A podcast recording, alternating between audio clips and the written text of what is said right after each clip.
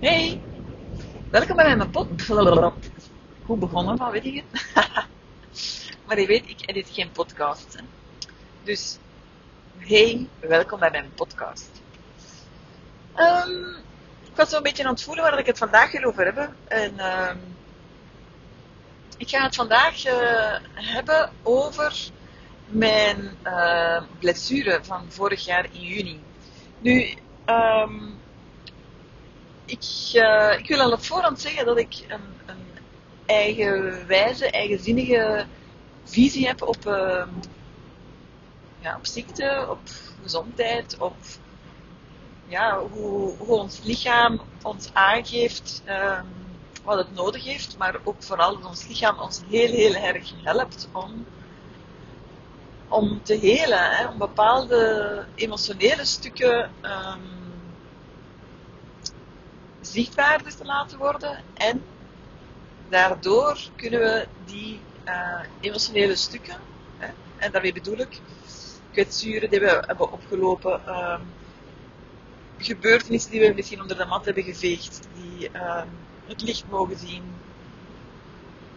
Maar ook uh, zaken die uh, generatie of op generatie op generatie zijn doorgegeven ook die, hè, ook daar kan ons lichaam heel erg helpen om, um, ja, om zaken te helen, hè, om ze een plek te geven om er inzicht over te krijgen. En dat is, uh, ja, ik noem dat het holistisch denken of het systemisch denken. Ik kan, ik kan naar alle kanten mee uit. Uh, ik, uh, ik benoem het graag als holistisch denken, omdat ik geloof, en dat is misschien confronterend voor sommige mensen als je dat hoort, hè, maar ik geloof er echt heel erg in en ik geloof, ik geloof er al jaren in. Dat is niet iets recents, hè, want het is, uh, op dit moment zijn er al meer en meer uh, mensen hè, die holistisch denken als het gaat over ziekte. Um, zeker in de afgelopen uh, COVID-periode zijn er toch veel mensen rechtgestaan die zeggen, ja maar wait a minute, hè, het is een virus, hè, wat heeft dat te betekenen? Zonder dat onmiddellijk te willen gaan bestrijden met medicatie. En uh, ja, mijn kinderen zijn bijvoorbeeld altijd naar een homeopaat geweest. Dus, uh, zo'n huisarts, homeopaat. Uh, momenteel geschorst, dat zegt al voldoende. En um, dus ja, mijn oudste is 21, dus ja, zo, lang ben ik daar al mee bezig. Dus. Want homeopaten kijken ook heel holistisch naar, naar alle, alle kwalen, alle ziektes. En daarmee bedoel ik, hè, of daarmee bedoel ik, dat als je een kwaaltje hebt, of je wordt ziek, of uh, je krijgt een chronische ziekte, of uh, je krijgt kanker, of et cetera, et cetera. Dat, dat, dat feitelijk gelinkt is met een emotionele onderstroom. En die emotionele onderstroom, um, soms kunnen we die heel goed pakken. Dan, bijvoorbeeld dan krijgen we een keelontsteking als iets ons naar de keel gegrepen heeft. Of um, we krijgen last van onze lever, omdat er iets op onze lever ligt. Of uh, ja, we krijgen hoofdpijn als we kopzorgen hebben, bijvoorbeeld. Hè. Soms is dat uh, moeilijker. Hè, moeilijker om te zien hè, wat, is, wat gebeurt er hier nu precies. En uh, dat is natuurlijk ook een interpretatie. Hè. Ik denk ook dat het belangrijk is om te beseffen, en ik zeg dat ook tegen mezelf, ja, kijk, dat is een interpretatie van wat er, hè, wat er zich toont. Is dat exact de waarheid? I don't know, dat weet ik nooit natuurlijk. Maar ik vind het wel boeiend om zo te kijken naar ziekte en gezondheid. En um, ik ben daar eigenlijk mee gestart. Um, met zo, allee, dat is meer en meer op mijn voorgrond gekomen om zo te kijken naar, naar ziekte. Omdat er in mijn vrouwelijke lijn hè, komen heel veel um, auto-immuunziektes voor. Hè. Mijn eigen moeder had reumatoïde artritis bijvoorbeeld. Mijn zus is gestorven aan uh, multiple sclerose. Mijn andere zus heeft uh, fibromyalgie gehad. Uh, zij is daar wel van hersteld. Um, maar zo circuleren er allerlei auto-immuunziektes. En um, Alzheimer is ook iets wat relatief vaak voorkomt in de vrouwelijke lijn. En natuurlijk, hè, ze zeggen dat vaak in families van, ah ja, maar dat zit in de familie. daar geloof ik, helemaal, ik geloof daar helemaal niet in. Wat er wel in de familie zit, is dat bepaald gedrag wordt doorgegeven. Hè? En als we ervan uitgaan dat uh, hoe dat we omgaan met emoties een rechtstreekse invloed heeft op ons lichaam, en vice versa trouwens, um, ja, dan zie je natuurlijk ook in families, hè, in, familiesystemen, hè, dat er hoe dat we omgaan met onze emoties, dat dat wordt doorgegeven. Hè. Er zijn bijvoorbeeld familiesystemen waar er heel sterk um, onderdrukt wordt, bijvoorbeeld. Of er zijn familiesystemen waar er bijvoorbeeld veel alcohol genuttigd wordt om eh, moeilijke emoties weg te duwen. Of er zijn familiesystemen um, waar er gewoon door veel medicatie genomen wordt. Of er zijn familiesystemen hè, waar emoties, waar de mensen heel snel in de slachtofferrol uh, gaan zitten. Of verbittering, komt ook wel vaak voor, wordt vaak doorgegeven. Um, en ik geloof dat dat heel erg in de familie zit. En dat dat vooral wordt doorgegeven. Maar uh, er zal wellicht een genetische gevoeligheid zijn. Maar uh, het is zeker niet zo, omdat um, bij jou in de familie hoge bloeddruk uh, wordt doorgegeven en dat dat heel vaak aanwezig is in de familielijn, dat dat daarom per se wil zeggen dat jij dat ook moet hebben. Integendeel zelfs. Hè, als er iets veelvuldig voorkomt, bijvoorbeeld uh, kanker bijvoorbeeld, of migraine is ook zo'n uh, interessante, of um, allergieën, ook een hele boeiende om naar te kijken. Ja, durf, dan eens, durf daar dan eens anders naar te kijken. Hè. En dat ga je na deze podcast wel kunnen. Allee, ik, ga dat, ik ga dat proberen uit te leggen, want dat is natuurlijk niet zo het, is geen, uh, het is geen lineair verband natuurlijk. Hè. Het is niet dat A er is dat je dan B als, als uh, antwoord hebt. Maar goed, ik ga jou wel eventjes meenemen in mijn verhaal. Dus ja, omdat er zoveel auto-immuunziektes waren en, en Alzheimer, ben ik me daarin gaan verdiepen. En ik heb voor mezelf echt op een bepaald moment beslist van, dit gaat mij niet overkomen. Ik wil dit niet. En natuurlijk heb ik dat niet 100% in de hand. Maar ik heb toch wel meer in de hand dan als ik helemaal niks doe. Ja? Als je helemaal niks doet, ja, dan, dan, dan heb je geen impact. Hè? Dus ik ga er altijd vanuit, als ik iets doe, dan heb ik nog altijd meer effect dan als ik niks doe. En ik, uh, ja, ik ben daar dan veel over gaan lezen, hè, over het verband. Ik heb daar met mijn homeopaat over gesproken. Ik heb ook goed geluisterd naar die, naar die fantastische, intelligente mens Um, ja, ik, ben, uh, ik heb bijvoorbeeld uh, het boek uh, Sleutel tot zelfbevrijding gekocht hè, van Christiane Beerland, hè, waarin ze elke kwaal, elke ziekte um, gaat holistisch gaan bekijken en welke emotionele onderstroom zit er daar. Waardoor, dat dat, ja, waardoor, ik, waardoor mijn visie op ziekte veranderd is eigenlijk. Hè. Um, en ik ga ervan uit dat als iemand ziek wordt, hè, dat daar eigenlijk altijd iets speelt. En dat is natuurlijk lastig om dat te horen, want we leggen die verantwoordelijkheid liever buiten ons. We worden ziek en we worden ziek, hè. Ah ja. En natuurlijk is dat ook niet zwart-wit, want er zijn ook veel factoren waar we, waar, we, waar we geen invloed op hebben. Bijvoorbeeld waar je woont. Hè. Als de, de grond daar vervuild is, ja, daar heb je geen invloed op. Of je moet verhuizen. Hè, of uh, ja, de hoeveelheid hormonen en zo in het drinkwater. Hè, daar heb je dan ook veel, veel minder invloed op. Tenzij dat je dan water gaat halen in de, aan, een, aan een natuurlijke bron. Hè, de stralingen overal. Je kan voor alles wel een oplossing zoeken. Hè. Er, is, er zijn vaak oplossingen voor bedacht. Maar ja, hoe ver, ver ga je daarin? Hè? Dus ik, ik ben helemaal niet aan het zeggen dat als je morgen kanker krijgt, dat dat jouw schuld is. Dat zeg ik helemaal niet. Hè. Um, ik hoop dat je dat goed hoort. Maar wat ik wel zeg is, ga eens kijken naar wat er mogelijk ook meespeelt emotioneel. Dat is eigenlijk wat ik zeg. Hè. Het, is, het, is geen, um, het is echt wel een genuanceerd verhaal dat ik wil brengen. Bovendien speelt er in het onderbewuste ook veel. En het onderbewuste, ja, daarom heet het ook het onderbewuste. Ja, daar heb je niet altijd zicht op. Wanneer krijg je daar zicht op? Als je in therapie gaat. Of als je je laat hypnotiseren of uh, die dingen. Oké, dus uh, dat, is, dat is dus mijn mindset al jarenlang. Um, ik ben heel spaar aan mijn medicatie. Ik ben opgegroeid met een moeder, hè, reumatoïde artritis, die echt een, een, uh, een hele collectie uh, pillen moest nemen om haarzelf overeind te houden.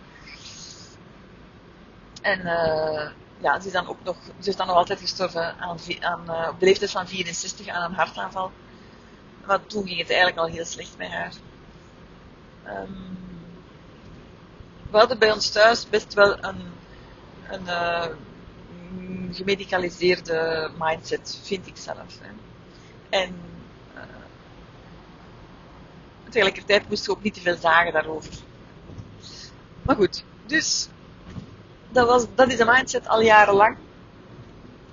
Op dit moment doe ik het relatief goed, vind ik. Mijn, mijn lichaam is, ik heb een sterk lichaam, vind ik zelf, maar ik ondersteun het heel goed, want mijn mind is nog sterker. en uh, ik heb uh, mentaal veel, veel power, ik weet dat. Ik heb veel energie in mij, ik heb veel kracht, um, kan veel verwezenlijken en uh, mijn lichaam, ja, op een of andere manier, ja, moet dat natuurlijk een beetje kunnen volgen en mijn mind is, is sterker. Wat ik ook al wist, was dat ik niet zo goed tegen fysieke pijn kan. Dat is niet mijn forte. Uh, laat mij de moeilijkste emotionele processen doorworstelen, dan ben ik echt op de eerste rij om dat te doen. Daar mogen ze mij zelfs voor betalen. Um, dat, vind ik boeiend en interessant. Daar ben ik ook al bijna 30 jaar mee bezig. Dus I get it. Hè. Ik, ik, snap, ik weet dat dat werkt. Ik snap dat. Dat is voor mij, dat gaat vanzelf. Maar zo omgaan met pijn is, uh, is, is altijd wel, um, is altijd wel best een moeilijke geweest voor mij. Ik kan daar niet zo mee om. Ik weet dan niet goed wat ik daarmee moet aanvangen. In elk geval, op 5 juni vorig jaar, 2020, 2021, even drinken, was ik um, een verstoppertje aan het spelen en het was zo met mijn dochter en dan met een paar vrienden daarbij. Allee, het waren uh, vrienden van mij en één, iemand had daar ook een dochter van. En die dochter, mijn dochter en zijn dochter zijn even oud. En, enfin, wat. Dus we waren met ik, twee volwassen mannen en twee dochters van rond de acht. En we waren verstoppertje aan het spelen. En uh, het is wat zo verstoppertje, zo dat je moet lopen naar de plek om af te potten. Hè. En, uh, en ik ben nogal competitief. En uh, ik geef me echt helemaal als ik iets doe. En uh, ik had gezien dat iedereen al gevonden was, alleen ik nog niet. En ik zat zo echt op een hurkje, het was al redelijk laat, acht uur zo. Het was echt al een beetje zo, beetje, het was al fris. En uh, ja, ik loop heel veel op blote voeten, dus ik was op blote voeten en verstopperd aan het spelen. En ik had zo vijf minuten echt zo op mijn hurkje gezeten, met mijn blote voeten op de koude grond. En ik zag mijn kans en ik schiet recht en ik begin te lopen. En dat is, was zo eerst een bergje. En ik voel onmiddellijk in mijn rechterkuit ja, een spier, dacht ik, hè, een spier trillen. En opeens bam. Er komt zo'n pijn in mijn onderbeen, maar echt. Als ik daar nu nog aan, als ik daar nu aan denk, op zich was het al traumatiserend voor mij. Ja, ik kon ook totaal niet meer op mijn been staan. Uh, klein detail, ik ben nog tot op één, met mijn één been gehinkeld tot aan de boom en ik heb iedereen vrijgepotst. Dat wil ik toch nog even zeggen. Maar dat was het dan. Ja, ik kon niet meer op mijn been staan. Ik kon daar helemaal niet op lopen. Er was, ik voelde onmiddellijk dat, dat, dat, ernstig was. Uh, dat deed waanzinnig, maar waanzinnig veel pijn. Alsof dat mijn, mijn onderbeen eraf hing of zo. En uh, ja, ik zag ook bleek, ja, ik begon te trillen. Alle mogelijke tekenen waren er. En uh, ik dacht, ja, fuck zeg, mijn kuitspier is, ge is geknapt of gescheurd. Ik kende dan ook nog niks van mijn kuitspieren. Maar dat was echt heftig. En uh, ik was ook heel erg geschrokken. Bovendien, ik heb echt ik heb nog nooit iets voor gehad. Ik heb nog nooit iets gebroken. Uh, ik heb ooit twee weken in het ziekenhuis gelegen dat ze mij helemaal binnenstebuiten hebben gekeerd omdat ik duizelig was. Maar verder, ik ben uh, thuis bevallen, dus, uh, dus ja, dus ik ben echt nog niet veel bij dokters geweest of in het ziekenhuis geweest. En um, ik geef eerlijk toe, ik ben, ik ben wel wat bang voor pijn. Ik ben niet bang om dood te gaan, maar zo pijn hebben, dat is, zoals ik daar straks zei, dat is voor mij toch echt wel een uitdaging. Dus, enfin, dus die mannen hebben mij uh, naar huis gebracht, met een auto gaan halen. En uiteindelijk is er dan beslist hè, dat er een van die twee gasten met mij naar het ziekenhuis reed. Spoed. Kon daar direct binnen, gelukkig. Ah, maar mevrouw, dat is niet erg, hè. dat is een, uh, een spierscheur. No problem. Uh, dat vallen gaan, contramaal, ibuprofen, alstublieft. En uw been een beetje omhoog. En binnen 10 dagen is dat beter. Voilà. En je ziet dan de medicalisering er zijn geen foto's genomen. Er is een beetje van ver naar mijn been gekeken en uh, dat was het. Oké, ik dacht, oké, okay, ça va. Uh, ik vroeg dan ook, ja, kan ik mijn, kan ik mijn been, uh, kan ik mijn pees of mijn spier nog meer scheuren? Nee, nee, mevrouw, dat gaat niet, dat gaat niet. Dus ik was wel een beetje gerustgesteld. Um, maar ik kon dus niet op mijn been staan. Dat ging niet. Dus ik heb die eerste nacht beneden geslapen. ja, mijn dochter dan ook beneden geslapen. Want ja, wij, slapen samen, daar moet ik ook nog iets over vertellen in een andere podcast. En ik dacht, oké, ja, dat is no probleem. Hè. Uh, even uh, accident de parcours, uh, komt goed. De volgende dag kon ik er een beetje op staan, schuifel, schuifel. En dat zag er wel wat gespannen uit, maar op zich, boah, ça va eigenlijk wel. Maar ik kon wel niet op mijn ik kon een klein beetje op mijn been steunen, maar eigenlijk niet veel. En, toen begon ik al te denken van, tja, dat is nu toch wel bizar. Hoe komt het dat ik dat hier nu voor krijg eigenlijk? Hè? Dus het is voor mij al een, al, dat is bij mij al een reflex geworden. Hè? Als ik iets voorkrijg, het eerste waar ik naar kijk is, is dat aan mijn rechterkant van mijn lichaam of aan mijn linkerkant van mijn lichaam. Hè? Rechterkant staat voor, dat is de mannelijke kant zoals ze zeggen, en de linkerkant is de vrouwelijke kant. En je kan dat op twee manieren bekijken. Rechts is, um, ja, daar zit de mannelijke energie. Hè. Doen, gaan, doelen stellen, controle, um, daadkracht. Hè. Dat, is, dat, dat, zit, dat, dat zit aan uw rechterkant van uw lichaam. Links hè, zit de yin-energie, overgave, vertrouwen, intuïtie, vloeiendheid, etc. En het is wel zo, ik had ik had zeker niet te hard gewerkt, want dat zei iedereen, ja, lieve tijd om te rusten, maar daar ging het eigenlijk niet voor, want ik had een relatief kalm voorjaar gehad, omdat ik mij al een beetje kom-zie, kom-sta voelde, fysiek, en mijn osteopaat had gezegd, lieve, let op met uw rechterkant, want die is heel broos, dus ja, voilà, zover waren we dan.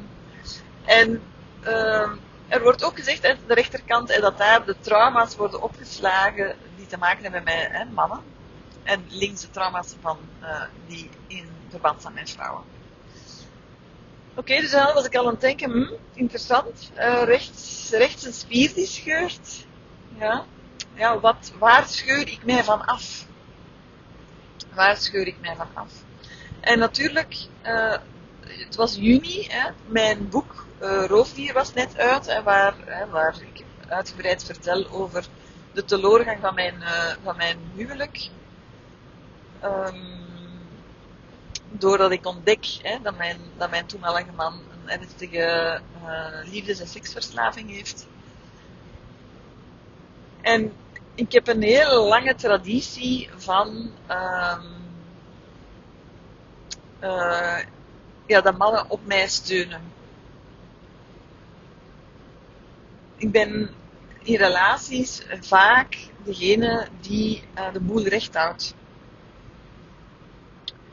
En uh, enerzijds, anderzijds, emotioneel um, ik, leun ik ook wel makkelijk op mannen. In de zin, uh, ik heb altijd veel mannen rondom mij. Ik vind het heel fijn om mijn mannen op te trekken. Ik ben, ik ben altijd wel omringd door mannen. Dat is uh, altijd zo geweest. Dus ja, dat daar, dat daar iets aan in aan het shiften was, dat was wel duidelijk voor mij. En um, maar ik dacht, ja, spierscheur, uh, even rusten. Maar dat werd alleen maar erger en erger en erger. En, en uh, ik heb daar uitgebreid over verteld op mijn Instagram. En iemand, een, fascia-therapeute die mij volgt, Christine Lefever, zoek haar maar eens op, zei mij, oh lieve, zal toch eens niet teruggaan naar uh, spoed. Want uh, ja, dat duurt wel lang. Hè? We waren al acht dagen verder en ik kon nog altijd niet mee, ik kon nog altijd niet op mijn been staan. En ik voelde mij ook echt, boah, ik voelde mij emotioneel echt ondersteboven. Ik nam geen pijnstillers, hè, want ja, ik ben ook wel een beetje een kijk op daarin. Van, uh, uh, rather die than take a pill. um, maar ja, ik, ik voelde dat mijn, dat met mijn been echt niet goed ging. En ik, waaraan voelde ik dat? Ik voelde dat als ik mijn been uh, omhoog had gelegen en ik zette dat daarna, ik zette dat dan neer. Hè. Ik kon wel, als ik zat, kon ik wel met mijn twee voeten op de grond steunen. Alleen staan, maar niet, staan, maar niet steunen. Ik voelde echt zo het bloed langs mijn knie in mijn benen naar beneden lopen. En dat liep door al, langs al die zenuwen. En ik voelde, dat deed zoveel pijn. Echt, als ik daar nu aan denk, dat, is, dat was afschuwelijk. Ik kon ook niks doen. Hè. Ik kon niet koken, want ik kon, niet op één, ik kon maar op één been staan. Hè. Dus dat is heel raar. Je kunt, probeer dat maar eens. Als je maar op één been kunt staan. Hè. Ik kon echt niet, niet steunen, ook niet een beetje. Niet meer tegen dan. Na acht dagen. Je, je, je kan, je kan je, je, kunt niks doen. Je kunt zelfs geen glas van de ene kant aan de andere kant brengen. Want ja, je kunt misschien twee keer huppelen of hinkelen, maar dat deed dan ook nog eens veel pijn aan mijn been. En ik dacht echt, maar what the fuck, what is going on? Ik kan niet meer op mijn been staan. En dat bracht mij in een enorme angst van, wie weet, is dit voor altijd? Hè? Dat, is ook, dat was voor mij heel interessant om te observeren hoe snel dat ik in het doemdenken ging en hoe weinig, hola, hoe weinig dat ik, uh, ja, hoe weinig vertrouwen dat ik eigenlijk had in mijn lichaam. Maar bovendien, ja, ik snapte eigenlijk ook niet goed wat er aan de hand was. Dus ik toch terug naar spoed. En dan hebben ze gevraagd, hebben ze een foto gemaakt? Ik zeg, nee, ze hebben geen foto gemaakt. En ze zei, ah oké, we gaan eerst een foto maken. En ja, ik zit te wachten zo op zo'n bed zo in de RX. Uh, nee, wat was geen RX, het was um, een echo. Komt er eerst nog een jonge snaak binnen en die zegt, ah ja, maar ik ja, voorzichtig hè, kom daar niet aan.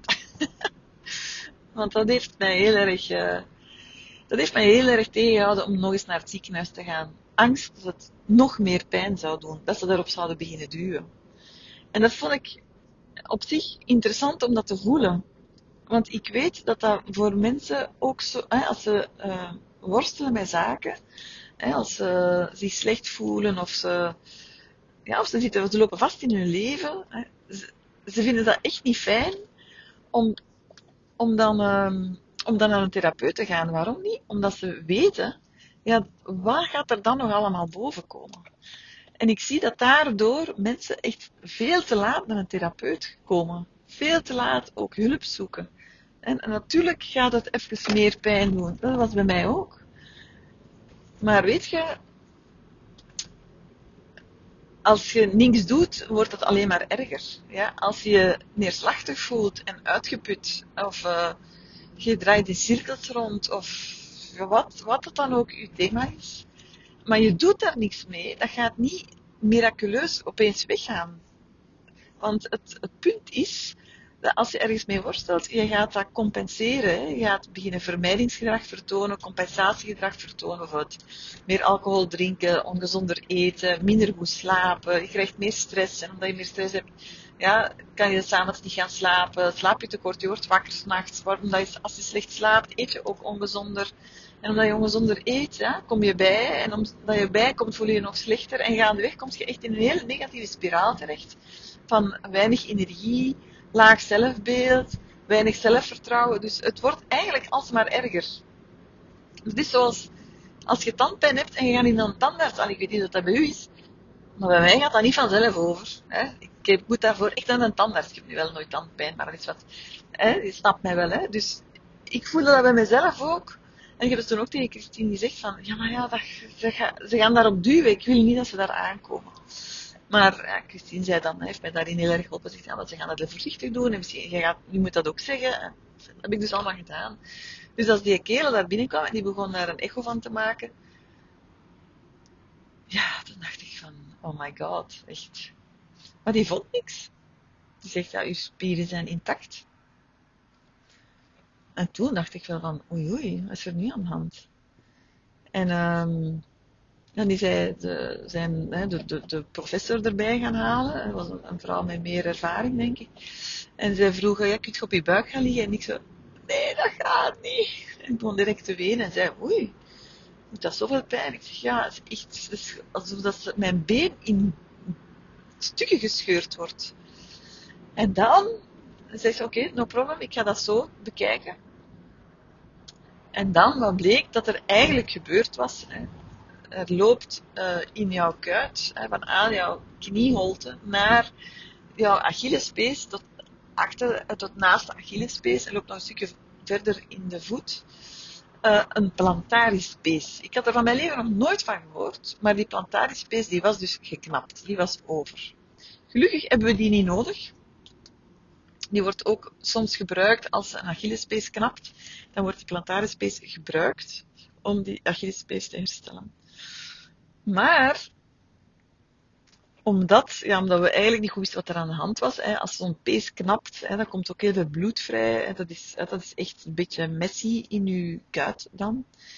En um, ja, ik, daarvoor is het, is het heel belangrijk dat je, dat je echt heel hoog ligt met je voet. Wat ik niet gedaan heb. Hè. Ik had dat wel hoog gelegd, maar niet zo heel hoog. Dus dat moest echt in bijna um, 90 graden. Waarom? Omdat dat bloed dan terug kan stromen naar boven, hè, zodanig dat die kuit ontlast wordt.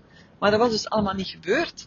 En nu zat er dus heel veel bloed vast in mijn kuit. En in de kuit heb je verschillende compartimenten. Dat wist ik allemaal niet. Ik ben een kuitexpert geworden. En dat bloed zat dus vast in die compartimenten ook verklevingen natuurlijk.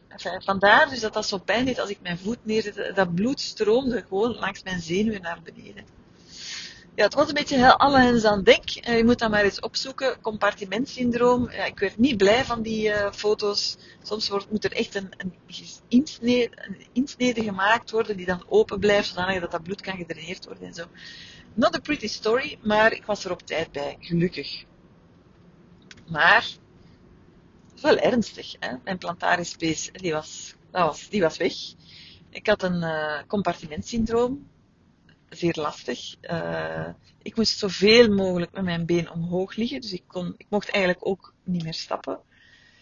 Um, omdat ik ja, met krukken begon te, te, te, stappen, moest ik uh, spuitjes krijgen tegen uh, flibit. Hoe zeg je dat nu weer al? Enfin, wat, ik weet al niet meer hoe je dat noemt. Um, ja, tromboses, ja, dat is het. Dus ja, opeens werd het wel heel heftig allemaal. En um, ik ben daar heel, uh, ik ben daar heel stil van geworden, voelde ik. Ik voelde heel erg van, oh wauw. Dit is wel heftig. Ja? Ik, kan, ik, kan niet meer voor, ik kan niet meer voor mijn kinderen zorgen. Ik kan niet meer met de auto rijden. Ik, uh, ik douchte mij elke dag wel alles op één been uiteraard, wat dat verschrikkelijk veel pijn deed, maar dat vond ik wel belangrijk om dat te doen. Stoeltje onder de douche, stapje voor stapje, hinkel, hinkel, onder de douche, douchen, er terug uit. En um, ik had gelukkig een uh, afspraak staan met mijn osteopathe en zij zei, ja, lieve, er zijn er nu in terecht gekomen. En ze zei, ja, dit zat er eigenlijk aan te komen. Hè. Je, had dit, had dit nodig. Hè. Dit was dit, het afscheuren van die plantarispees is ook een stuk afscheuren van, van, uw, van de basischakra, van uw rootchakra. Hè, om iets te herstellen, hè, wat dat, dat, dat waarschijnlijk al verschillende levens meedraagt. Hè. Het willen ondersteunen van mannen, het willen het leunen tegen mannen, het gevoel hebben dat je het niet zonder kunt, uh, maar tegelijkertijd heel erg voor hen zorgen. En ik zag ook wel dat dat in mijn geschiedenis mij enorm parten gespeeld had. Hè. Ik heb altijd gezorgd voor mijn vader. Ik was uh, enorm de drijvende kracht in mijn twee huwelijken. En, uh, maar echt leunen op de man, dat, ik, ik, kende, dat niet.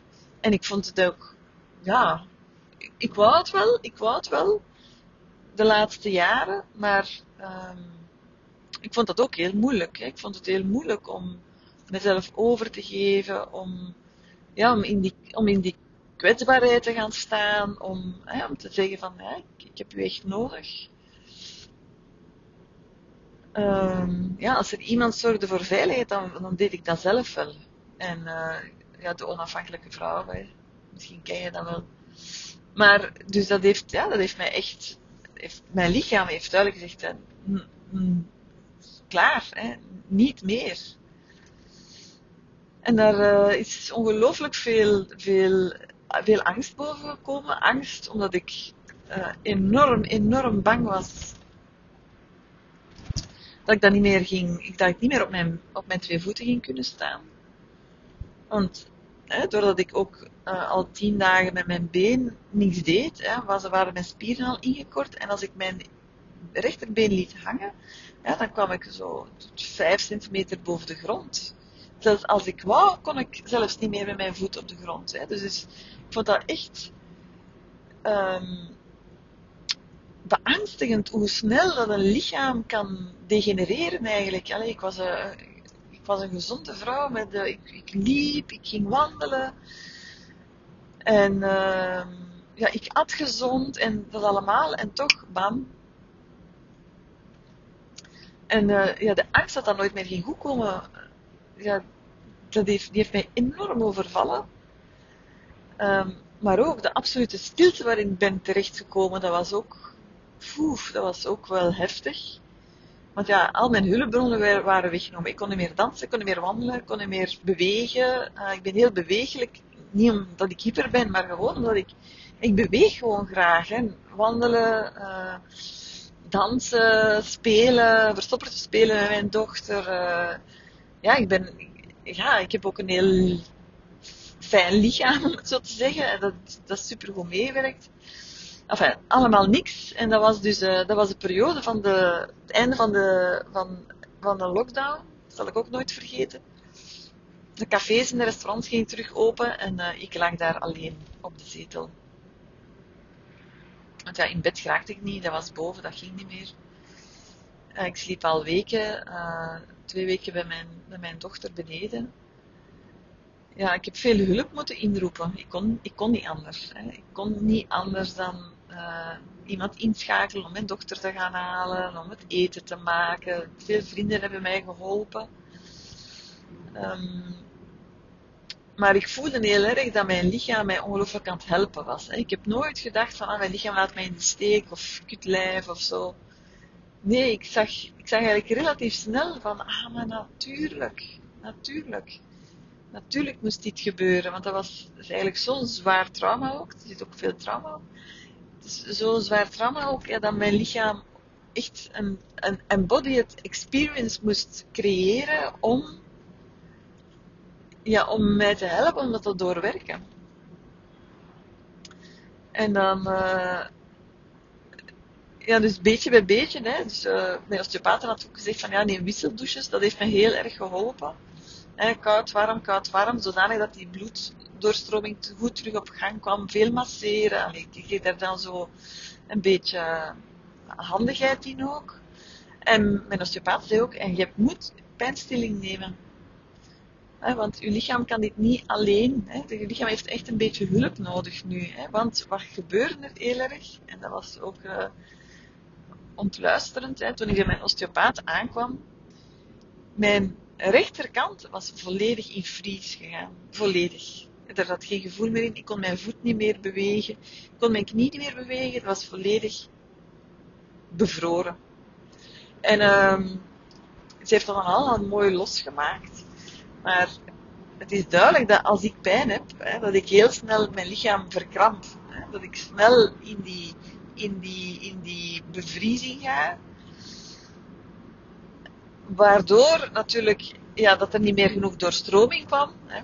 En um, bij elke pijnscheut die ik voelde, hè, kwam ik terug in die vries terecht. Dus daarom hè, is er dan toch beslist van pijnstilling op te starten, zodanig dat ik wat meer bewegingsvrijheid voelde en dat ik niet altijd zo in die, in die vries moet gaan. Dus je ziet maar,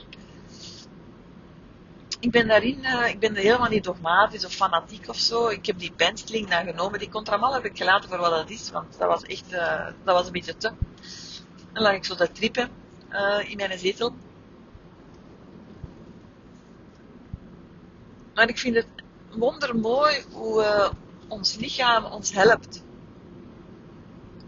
om verborgen stukken naar boven te brengen.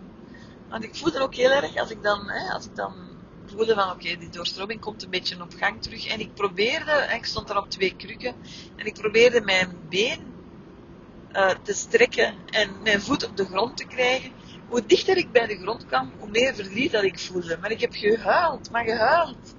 Maar dat is natuurlijk niet over dat been dat gaat. En dat gaat over al die keren hè, dat, ik, dat, ik mannen op mij heb laten leunen, maar ook dat ik mij heb laten gebruiken, misbruiken, manipuleren.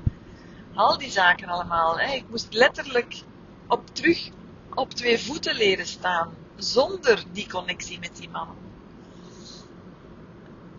Dat is een heel heftig proces geweest. Maar ik ben daardoor geraakt. Hè. Na vier weken, vijf weken kon ik terug stappen en dan ben ik direct uh, vertrokken op Tantra, Tantra Week. Maar wat een, wat een uh, ik ben zo, zo dankbaar geweest voor, uh, voor die vier, vijf weken. Omdat dat mij zo helder heeft gemaakt, nogmaals, hè, dat ons lichaam gewoon helemaal perfect werkt. En dat is natuurlijk moeilijk om dat te geloven als je chronisch ziek bent of als je heel veel pijn hebt, door welke reden dan ook, of als je kanker hebt gekregen. Of, um, maar ons lichaam weet helemaal wat er nodig is. En wij bepalen onbewust en bewust hoe het met ons lichaam gaat. Het, is, uh, het lichaam reageert eigenlijk op wat we denken en doen en voelen. En natuurlijk vele generaties lang en vele levens lang. Hè. Dus, maar je, niemand komt met een volledig uh, blanco lijf ter wereld. Hè. Waarom worden er soms ook jonge kinderen ziek? Hè? Dat is uh, soms systemisch, hè, maar soms is dat ook gewoon uit vorige levens. Hè. Er, dat, gaat dan, wat sommigen zeggen dan, ja, maar dat is karma. Ja, maar ik geloof daar niet in. Hè. Ik geloof niet in straffen. Uh, dat, is, uh, dat is iets van de katholieke kerk. Daar geloof ik helemaal niet in. Um, maar ja, we worden wel geboren met, met bepaalde genetische kwetsbaarheden. We worden geboren met, met de energie van generaties lang. Hè, verschillende levens ook nog eens. Hè. Dus er zit heel veel in ons dat al dan niet tot uiting gaat komen. Um, ja, dus doordat ik hè, die pijnstilling kon nemen en kon mijn lichaam tot rust komen, hè, schoot ik niet altijd terug in een verkramping als ik een pijntje voelde. En, en daardoor ben ik eigenlijk, ik ben echt uh, als de zon beginnen trainen, stretchen, massage. Uh, ik stond vier keer per dag onder de douche, wisselbaden, nog eens masseren, nog eens stretchen. En op vier weken stond ik terug op mijn twee voeten. Maar wat een, uh, wat een, wat een les is het eigenlijk geweest voor mezelf om te voelen van, oh wauw, als mijn hulpbronnen wegvallen, dan wordt het wel een hele uitdaging om gegrond te blijven, om bij mezelf te blijven, om niet uh, in de angst te schieten. Dus het is altijd goed om je hulpbronnen zo breed mogelijk te maken, zodanig hè, dat je uh, uit verschillende um, laadjes kan, uh, of schuifjes kan putten. Maar dus ja, dus ja, ons lichaam, als je zelf bepaalde kwalen hebt, hè, gelijk welk, ja, ga al, durf altijd eens te gaan kijken naar, wat, wat zit daar nu eigenlijk onder? Hè? Wat wil mijn lichaam echt vertellen? Um, bepaalde organen zijn ook gelinkt aan emoties. Hè? Bijvoorbeeld leverproblemen wordt gelinkt aan kwaadheid, aan luchtwegen, aan verdriet en, enzovoort en zo verder. dus eh, als mensen oververmoeid zijn, dan zien ze dat ook heel erg in de bijnieren bijvoorbeeld. Dus ons lichaam is een fantastische geoliede machine. Maar het is zo belangrijk om er echt naar te luisteren, er echt naar te kijken. Hè? En het niet meer zo te, maar te bekijken als zijn iets dat aan ons hangt. Nee, nee, nee. Uh, het hangt niet zomaar aan ons, wij hangen eraan. Hè? Want wij bepalen eigenlijk voor een groot deel wat daar gebeurt. En natuurlijk was dat heel moeilijk en was dat heftig. En heb ik daar enorm van, van afgezien. Maar hoera, hoera, het heeft maar vier weken geduurd. Hè? En misschien, ja, zijn er nu mensen die luisteren en zeggen, ja lieve, ik lig al vijf, vijf, vijf jaar plat met een burn-out of met CVS of zo. Ja. Ik kan me heel goed voorstellen dat dat heel confronterend is, maar echt ga aan de slag met jouw, met jouw emoties. Want ziek worden doe je niet zomaar. Je wordt niet zomaar ziek opeens. Dat is niet. En dat is, uh, dat is iets van hele lange adem. Hè? Dat is iets wat je waarschijnlijk al jaren hebt opgebouwd. Hè? Onderdrukte emoties, trauma vanuit je kindertijd. Hè? Alles wat we meemaken zet zich vast in ons lijf. Als we bijvoorbeeld iets, iets traumatisch meemaken, dat, dat, nestelt zich ergens. En doordat dat ergens nestelt, ja, ontstaan daar, hè, komt die energie vast te zitten.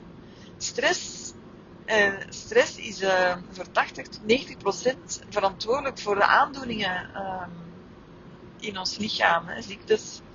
Dus ja, stress en angst hangen ook heel vaak samen en de druk die je zelf oplegt en zo. Dus ja, ons lichaam kan, kan heel goed functioneren. Allee, ik, prijs me met, met mijn gezond lichaam. Maar dat vraagt ook wel van mij. Dat vraagt van mij innerlijk werk. Dat vraagt van mij om te voelen naar mijn emoties en niks uit de weg te gaan. Want ik weet, wat ik uit de weg ga, dat krijg ik dubbel en dik terug. En om eerlijk te zijn, ik voel voor mezelf soms wel zo'n beetje zo... Nou ja, dat gaat slecht klinken, want alsof ik een, een, een, race aan tegen tijd aan het, aan het doen ben. Hè? Want ik heb al veel meegemaakt. Ik heb echt al afgezien niet lijden, maar ik heb echt al veel diep verdriet en diepe pijn gekend. En uh, hoeveel ik ook met mezelf bezig ben en naar, intern naar binnen ga en mediteer en zorg voor zelfzorg en tot rust kom en zo. Ik weet ook dat ik niet alles in de hand heb. Hè. het kan zijn dat ik ziek word hè, binnen x aantal jaar, dat ik zou kunnen. Ja. Maar ik zie het wel heel erg als mijn taak, mijn verantwoordelijkheid om daarmee aan de slag te gaan. Hè? Want ik heb uh, ook twee dochters. Hè? En ik zou niet willen dat zij daarmee um, opgezadeld geraken. Dus ja, als je er, als je, hè, als je er even zo naar kijkt en je, kijkt naar jezelf, hè, waar je soms last van hebt, hè, ga dan ook echt eens kijken naar, ah, wacht eens even, hoe voel ik me eigenlijk echt? En, uh, en wat doe ik daarmee? Wat doe ik daarmee? Zo, dat was het weer al voor vandaag. Dankjewel om te luisteren. En uh, ik hoor jou heel graag morgen.